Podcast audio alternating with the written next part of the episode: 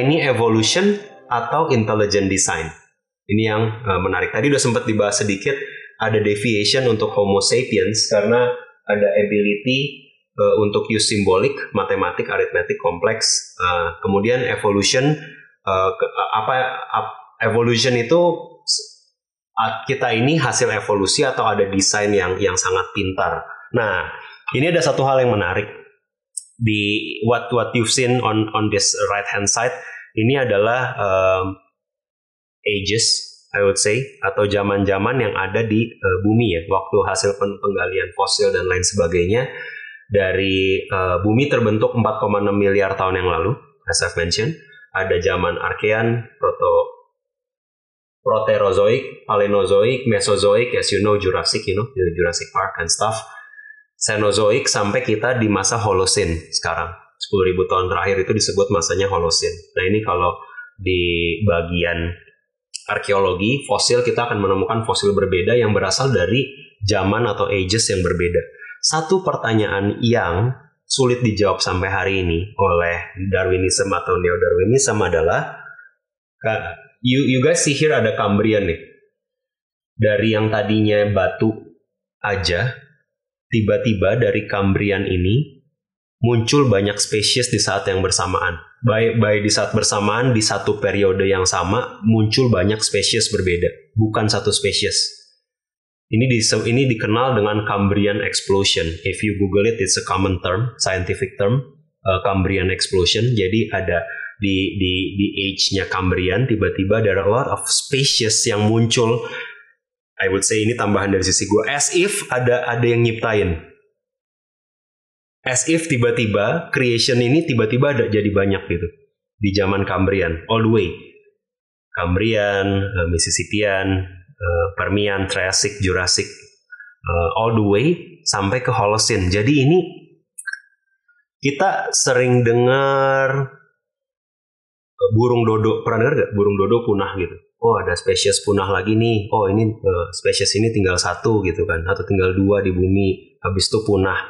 Right pertanyaan besarnya adalah ketika dari zaman Kambrian ke zaman Holocene ini sekitar 500 juta tahun right dari Kambrian ke Holocene ini fact ini sekitar 500 juta tahun dan sekitar ada ada berapa spesies yang hari ini kita tahu ada sekitar 500 juta spesies antara Cambrian sampai ke Holocene. Artinya setiap tahun ada satu spesies baru yang muncul. Nah, pertanyaan besarnya adalah kenapa sejak munculnya manusia gak ada spesies binatang baru yang muncul secepat sebelum ada manusia? Hopefully you get it ya pertanyaannya. Nih sebelum manusia muncul nih di Holocene itu semua binatang kayak muncul gitu. Creation banyak cepat muncul binatang darat, binatang laut, muncul yang baru, spesies setiap tahun muncul satu, spesies baru yang totally different dari yang lain. Hasil mutasi, evolusi, whatever, tiap tahun muncul satu. Kenapa? Di 10.000 tahun terakhir tidak terjadi. As if, ini ini tambahan, ini my commentary ya. As if sebelum manusia muncul tuh ada yang lagi nyiptain. Setelah manusia muncul, setelah penciptaan manusia, as if ada yang beristirahat. You got what I mean? Hopefully you got it ya. Jadi seolah-olah kenapa ada binatang muncul banyak, ini setiap tahun ada spesies baru, tiba-tiba setelah ada manusia, seperti ada yang beristirahat dan berhenti ciptaannya. Chill because you know in Genesis oke okay, I laid it out. Di Genesis kayak Tuhan menciptakan hari ke satu hari ketiga hari keempat hari kelima hari keenam menciptakan manusia hari ketujuh Tuhan beristirahat. Why hari ini lebih banyak extinction dari creation. Padahal sebelum manusia muncul lebih banyak creation daripada extinction. Extinction happens karena climate tidak stable tapi spesies terus-terusan muncul until manusia. Setelah manusia, speciation rate atau tingkat penciptaan atau tingkat kemunculan spesies baru drop significantly setelah manusia muncul. Ya, yeah, you can theorize itu karena satu dan lain hal, tapi kan manusia nggak selalu. Ya, Oke, okay, kalau hari ini binatang uh, ter ini ya apa terhimpit karena manusia berkembang fine, it's today tahun 2021 kan. Tapi kan 10.000 tahun yang lalu manusia cuma sebanyak orang di Jakarta Barat, cuma 2 juta orang gitu di dunia. Why? Uh, spesies tidak berkembang lagi setelah manusia muncul as if ada Tuhan yang beristirahat setelah human appears dan mandatnya diserahkan ke human. Chill. Okay, hopefully you got the chill that I have. Okay, speciation rate, speciation, speciation rate stopping setelah human uh, appears, and I think we are at loss untuk menjelaskan kenapa nggak ada spesies baru setelah human muncul. Uh, berikutnya kita masuk ke lebih jauh intelligent design versus evolution ya. Ada beberapa argumen intelligent design yang menarik. Uh, for that, uh, I think ada beberapa um, hal yang perlu uh, I put forth dulu. Ini widely beberapa hal yang sudah accepted teoris ya among scientific community, I can say. Pertama, there is a beginning. Widely ya, tidak semua. You can say, kayak lu dengan mudah Google hari ini dan uh, cari Big Bang is wrong dan kenapa. Ada banyak orang yang berusaha atau banyak saintis yang punya teori kenapa Big Bang itu salah. Ingat, Big Bang juga teori. No one, no one knows for sure. Tapi teori ini yang paling banyak disupport karena evidence-nya paling banyak. That's how science works, right? So there's a beginning known as known as uh, Big Bang. So selain Big Bang yang kita kenal sebagai uh, drama dan boy band. Actually the real Big Bang itu terjadi di universe age zero itu ada Big Bang. Kemudian uh, first uh, bintang pertama muncul. Jadi entah kenapa there's a light tiba-tiba gitu ya. Terus bintang pertama muncul setelahnya. Uh, terus modern galaksi uh, dan sekarang kita ada di 13,8 miliar uh, tahun umur dari universe ini. So there's a beginning ini widely accepted. Universe umurnya 13,8 miliar, umur bumi 4,5 miliar tahun. Ini sebabnya setiap orang Kristen yang bila yang berpendapat atau atau uh, I would say mohon maaf narrow minded narrow mindedly bilang bahwa bumi ini diciptakan 10.000 tahun yang lalu dalam waktu enam hari oleh Tuhan akan sangat sulit untuk uh, berdiskus atau akan sangat sulit untuk uh, di match atau akan sepertinya sangat conflicting dengan evidence yang sains temukan hari-hari ini. It's very difficult, I would say. Universe is expanding, ini true. Jadi uh, this is scary. Uh, I don't know if you ever read the articles Universe is expanding. Jadi kayak niup balon tahu jadi mak pertama ditiup kan kecil, makin lama makin gede gitu ya. Jadi one day kita akan nggak akan bisa lagi ngelihat bintang karena cahayanya atau bin, either bintangnya udah mati atau bintang itu sendiri menjauh dari kita. All the stars are expanding away from us. Right, that's the reality. Per tahun kita kehilangan, kita nggak bisa lagi lihat 20 ribu bintang per tahun. Uh, karena udah karena universe is expanding, makin lama makin gede gitu. So itu widely accepted theories among among scientific community. Berikutnya, there are forces that outside of our observation. Ada energi, ada uh, ada hal-hal yang tidak bisa diamati oleh scientific scientist atau scientific community until today. Ini disebut dengan dark energy dan dark matter. Ini bukan ya yeah, uh, this is not Marvel uh, arc atau stories. Actually, you just Google it and you see uh, the only way uh, orbit uh, orbit dan universe expanding seperti ini yang bisa menjelaskannya adalah karena ada energi dan ada partikel yang tidak bisa kita amati dengan laws of physics yang kita pahami sekarang dan saintis sebut itu dark energy dan dark matter. Oke, okay. berikutnya there are 10 total imaginable dimensions. Ini akan gue jelasin uh, lebih detail lagi nanti ini jadi bukan dimensi lain ngomongin jin atau ngomongin multiverse ya it's not it's not it's legitly scientific ada sekitar 9 sampai 10 imaginable dimensions meskipun yang kita bisa amati mungkin cuma 3 sampai 4 Kemudian uh, some evidence of evolution is present. Hari ini ada beberapa evidence dari evolution. Jadi ini widely accepted teoris. I need to bring this forth dulu sebelum discussion kita yang uh, berikutnya. Oke. Okay? So ada beberapa argumen ketika uh, bilang uh, oh bumi uh, universe ini ada yang ciptain atau semua ini kebetulan. Ada beberapa argumen yang mendukung ada penciptanya. Yang pertama cosmological argument. Yang kedua teleological. Ini yang matters ya. Cosmological argument nothing has no attribute or component to develop something that thus there is a beginning. Maksudnya gini, uh, universe began to exist. Jadi semesta ini muncul kalau semesta ini muncul, maka semesta ini punya uh, karena uh, ada ciptaan, maka ada tujuan dari ciptaan. Setiap segala sesuatu yang diciptakan ada tujuannya. Itu argumennya. Sehingga karena universe ini muncul atau created, maka ada cause ada atau ada ada penyebabnya atau ada ada tujuannya si uh, semesta ini diciptakan. Technically ngomongin ini nih, the point of Big Bang. Kenapa tiba-tiba muncul ini? Pasti ada yang memunculkan yang ya all all that we know space, time, uh, jam berapa, uh, kemudian gravitasi bumi atau gravitasi bulan. Ini uh, panjang uh, monitor di depan muka kamu 6 inch atau 24 inch. All of those dimensions, all of those dimensions itu uh, munculnya setelah Big Bang. Okay? setelah universe ini dimulai. Dan sebelum itu tidak ada. Sebelum itu tidak ada uh, dimension. Sebelum itu tidak ada apa-apa, nothing. Ini yang sulit dijelaskan oleh uh, ini ya, scientist until today. If the if this is nothing, kenapa bisa jadi something? Lu pernah lihat gak tiba-tiba di depan lu muncul uh, ini apa namanya? Uh, di depan muka muncul karamel macchiato. Pernah? Tiba-tiba muncul ting gitu, nggak pernah kan? Scientifically it's impossible, right? Sama kalau what what true now, what true back then juga gitu. Kenapa tiba-tiba dari tidak ada, tiba-tiba muncul Big Bang, muncul dimension dan muncul all of this. Ini yang tidak bisa dijelaskan lah ya, so to say, atau sulit dijelaskan atau tidak bisa dijelaskan dari nothing, kenapa bisa jadi something. Nah, you will see some arguments kalau kamu cari out there. Itu ada yang bilang oh emang bisa. Dari nothing itu sorry. Dari nothing bisa jadi something gitu.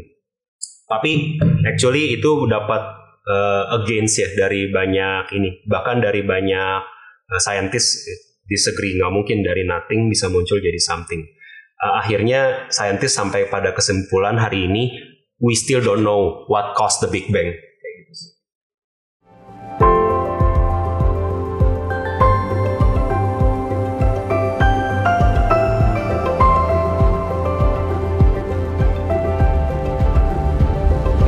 So uh, kenapa tiba-tiba dari nggak ada muncul something? Artinya ada yang menciptakan di luar dimensi yang kita tahu hari ini ada someone atau something atau creator yang menciptakan semua ini. That's the cosmological argument. Dan semua ini diciptakan sama seperti semua ciptaan ini diciptakan dengan tujuan tertentu. Gitu. Berikutnya, strength-nya argumen ini. Argumen ini eh, nggak uh, rely having previous belief in God. Jadi bahkan tanpa tanpa percaya Tuhan atau pernah ke gereja pun ini bahkan bisa bisa ngelihat bahwa oh ya yeah, it's true. Kalau kenapa dari nothing tiba-tiba ada something kecuali ada yang creating that gitu. Ini argumen yang strengthnya di situ ya. Ini structured argumen easy to understand analogi argumennya logical. Bahkan ateis bilang argumen ini logical know.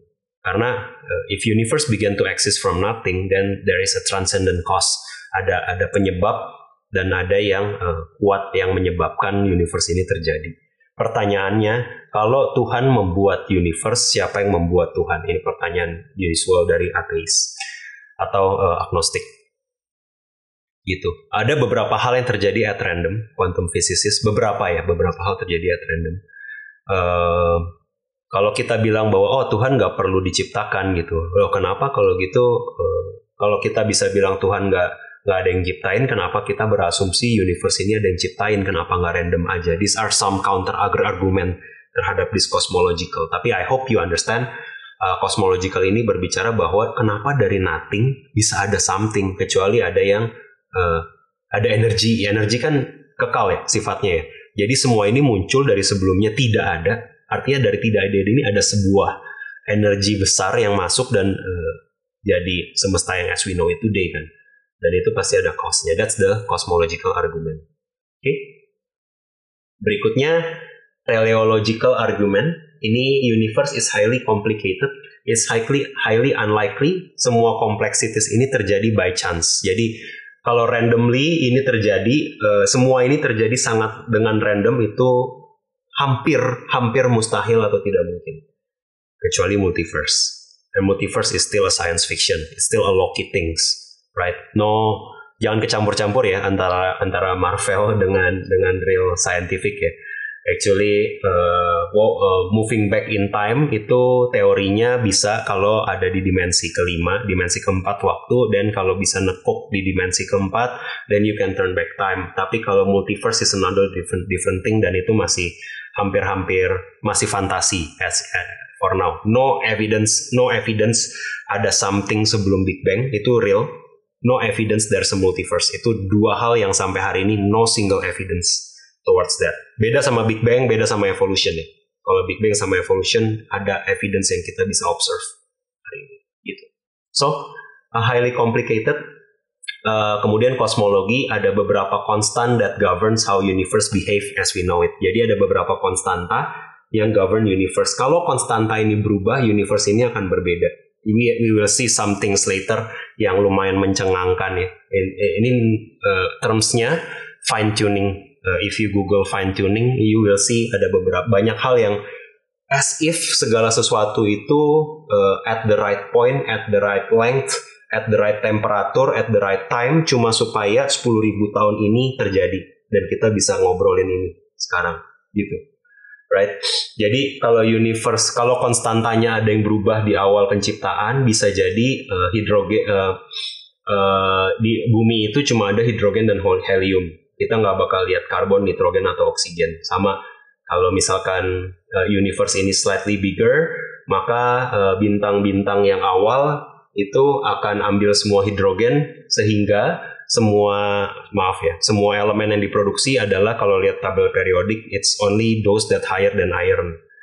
Don't, don't, don't worry if you don't understand Uh, intinya kalau ada sedikit perbedaan aja pas eh, di universe kita ini maka kita nggak bakal mengenal karbon, nitrogen dan oksigen dan nggak bakal ada kehidupan. Everything is just a dead rock. Cuma planet dan batu-batu mati yang tidak bernyawa. Oke, okay? so it's highly improbable that it happens by chance. Ini argumennya. Ini argumen paling kuat. Even uh, I I when when researching about this, uh, I went to some of the most prominent atheist ya, uh, atheist YouTube channel.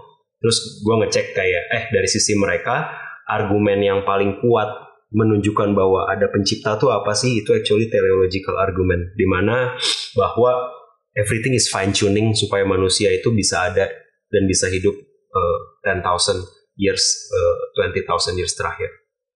Oke, okay? nah fine tuning. Ini beberapa hal yang gue rangkum fine tuning. Jadi we take for granted ya 2000 tahun terakhir dari Yesus lah dari dari zaman Yesus atau 10.000 tahun terakhir dari zamannya Adam we take for granted oh human ini flourish hari ini ada ada uh, ada arts ada influencer ada new new new kind of arts new businesses new kind of businesses we take for granted new kind of job uh, we take for granted padahal untuk human to flourish itu ada beberapa hal yang harus perfectly align ke satu edge window of the universe. Jadi um, si semesta ini uh, manusia cuma bisa muncul di kan 40 ribu tahun itu dibanding 13 miliar beda jauh ya. Hopefully you can imagine tinggal pakai kalkulator aja 40 ribu tahun manusia bisa hidup di bumi karena klimatnya stable dan lain hal, karena matahari posisinya masih pas dan lain hal, 40 ribu tahun, dibanding 13 miliar tahun itu kan beda banget ya. Jadi kalau manusia nggak mungkin muncul di any other years other than 13,8 miliar exactly. Jadi edge window-nya harus pas. Densitas dari universe-nya harus pas. Kalau bumi ini ketowel di awal dan there is no human today, kebayang ya? Hopefully kebayang. Kalau matahari waktu starsnya terbentuk ada ketoel di awal you know itu nggak akan terjadi. Densitasnya harus pas electromagnetic force-nya harus pas supaya bumi bisa kayak bumi yang kita tahu sekarang. Kedua edge window of the galaxy. Ini ya tadi ada semesta ini ada galaksi atau kita dengarnya Bima Sakti atau Milky Way tempat solar system kita berada nah kalau matahari kita terlalu dekat ke center of galaxy we are doomed we are doomed karena di situ banyak debu, banyak uh, banyak asteroids dan lain sebagainya. Kalau terlalu jauh, nggak ada cukup energi untuk sustain the solar system. Jadi even in the Milky Way, we need to be there. Solar system has to be there, exact that spot supaya matahari, Merkuri, Venus, Bumi, Bulan, uh, Jupiter, Saturnus, as we know today itu solar system harus terletak di situ di Milky Way. Harus lebih jauh dikit, lebih dekat dikit nggak terjadi. Uh, human didn't happen. Crazy ya. Berikutnya age window of the solar system.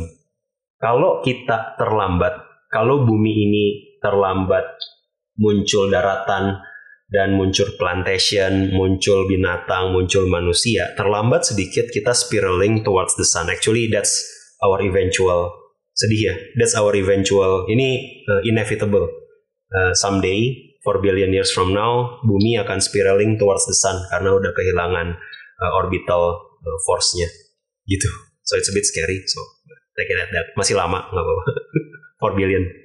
Berikutnya, the orbit and positioning of Jupiter, Saturn, Uranus, and Neptune. Ini yang mind blowing juga sih. Jadi uh, waktu gua research ini, so now you know kenapa I I've been pending this uh, findings for some times karena I I look a lot of uh, this discovery, uh, scientific discovery. Uh, so Jupiter ini most of the time protects the Earth. Do you know that? Jadi Jupiter itu at the right size and at the right length sehingga sebagian besar komet yang dari luar solar system yang masuk ke solar system kita itu akan diganti arahnya atau akan uh, jatuhnya ke Jupiter dibanding ke bumi which catastrophic kalau ke bumi. So Jupiter itu protecting the earth dari komet, asteroids dan other things termasuk Saturnus, Uranus, dan Neptunus. Maksudnya apa? Saturnus, Uranus, dan Neptunus itu ada di uh, orbit yang horizontal sama kita. Kalau dia elliptical, gimana ya cara ngasih contohnya? Uh, horizontal orbit and elliptical orbit. Oke, okay, found it um, I need to give some examples. Nih ya. Jadi kita punya orbit itu kan uh, horizontal ya. Semuanya ada di yang sama dan makin lama makin keluar gitu kan. Gini, konsentrik gitu. Tengahnya matahari, sisanya makin lama makin keluar. Di kita ada yang elliptical nggak ada Pluto satu Pluto yang kecil. You know if Jupiter, Saturnus, Uranus atau Neptunus elliptical, no Earth, no Earth as we know it today. Padahal ini umum, padahal elliptical orbit ini quite common di other system.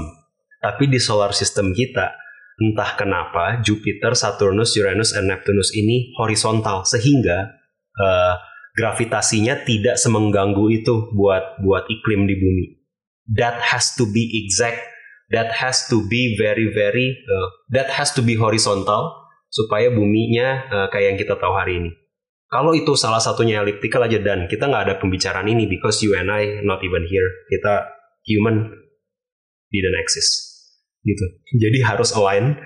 Uh, kemudian terakhir tadi ya climate supporting life. Cuma di 40 ribu tahun terakhir climate ini stable sehingga uh, dan outlier ini sebagai outlier sehingga kita bisa ngomongin ini. Kalau nggak kalau climate-nya nggak nggak stabil, mungkin you and us, you and me, kita semua eksis tapi kita lagi hunting bareng gitu hari ini atau lagi nge gitu ya. Lagi perang antar suku atau kita lagi lagi bercocok tanam dan lain sebagainya. As opposed to kita lagi trying to understand the universe, looking at the stars, understanding orbits ini cuma bisa terjadi kalau keempat hal yang di depan ini terjadi. Can you imagine and and can anyone say bahwa ini nggak ada yang desain? Dan ini cuma by chance. Even the most prominent scientist bilang kalau by chance ini chance-nya actually sangat sangat sangat sangat sangat kecil. Oke. Okay? So, ya, yeah, evolution versus intelligent design itu adalah some of the uh, arguments. Theolo uh, teleological argumen ini um, strengthnya God itu omnipotent, omniscient, and benevolent. Kemudian kalau ada yang ciptain itu mudah dipahami ya. Kalau ada jam tangan yang sangat kompleks aja itu bisa terjadi dan bisa akurat karena ada yang ciptain, apalagi semesta. Dan semesta dan seperti jam tangan yang kompleks ada purpose-nya. Semesta ini the way it is itu karena ada purpose-nya. Milky Way the way it is karena ada purpose-nya. Solar system the way it is karena ada purpose-nya the Earth, the Jupiter, the way it is karena ada purpose-nya. Everything has a purpose. So that's the strength of this teleological argument. Nggak rely to previous, uh, prior religious belief. It doesn't matter you believe what you believe. This is the actual evidence bahwa all of this is actually uh, fact and evidence. Bahwa perlu banyak hal yang lain seperti ada yang atur supaya human can flourish as we know it today.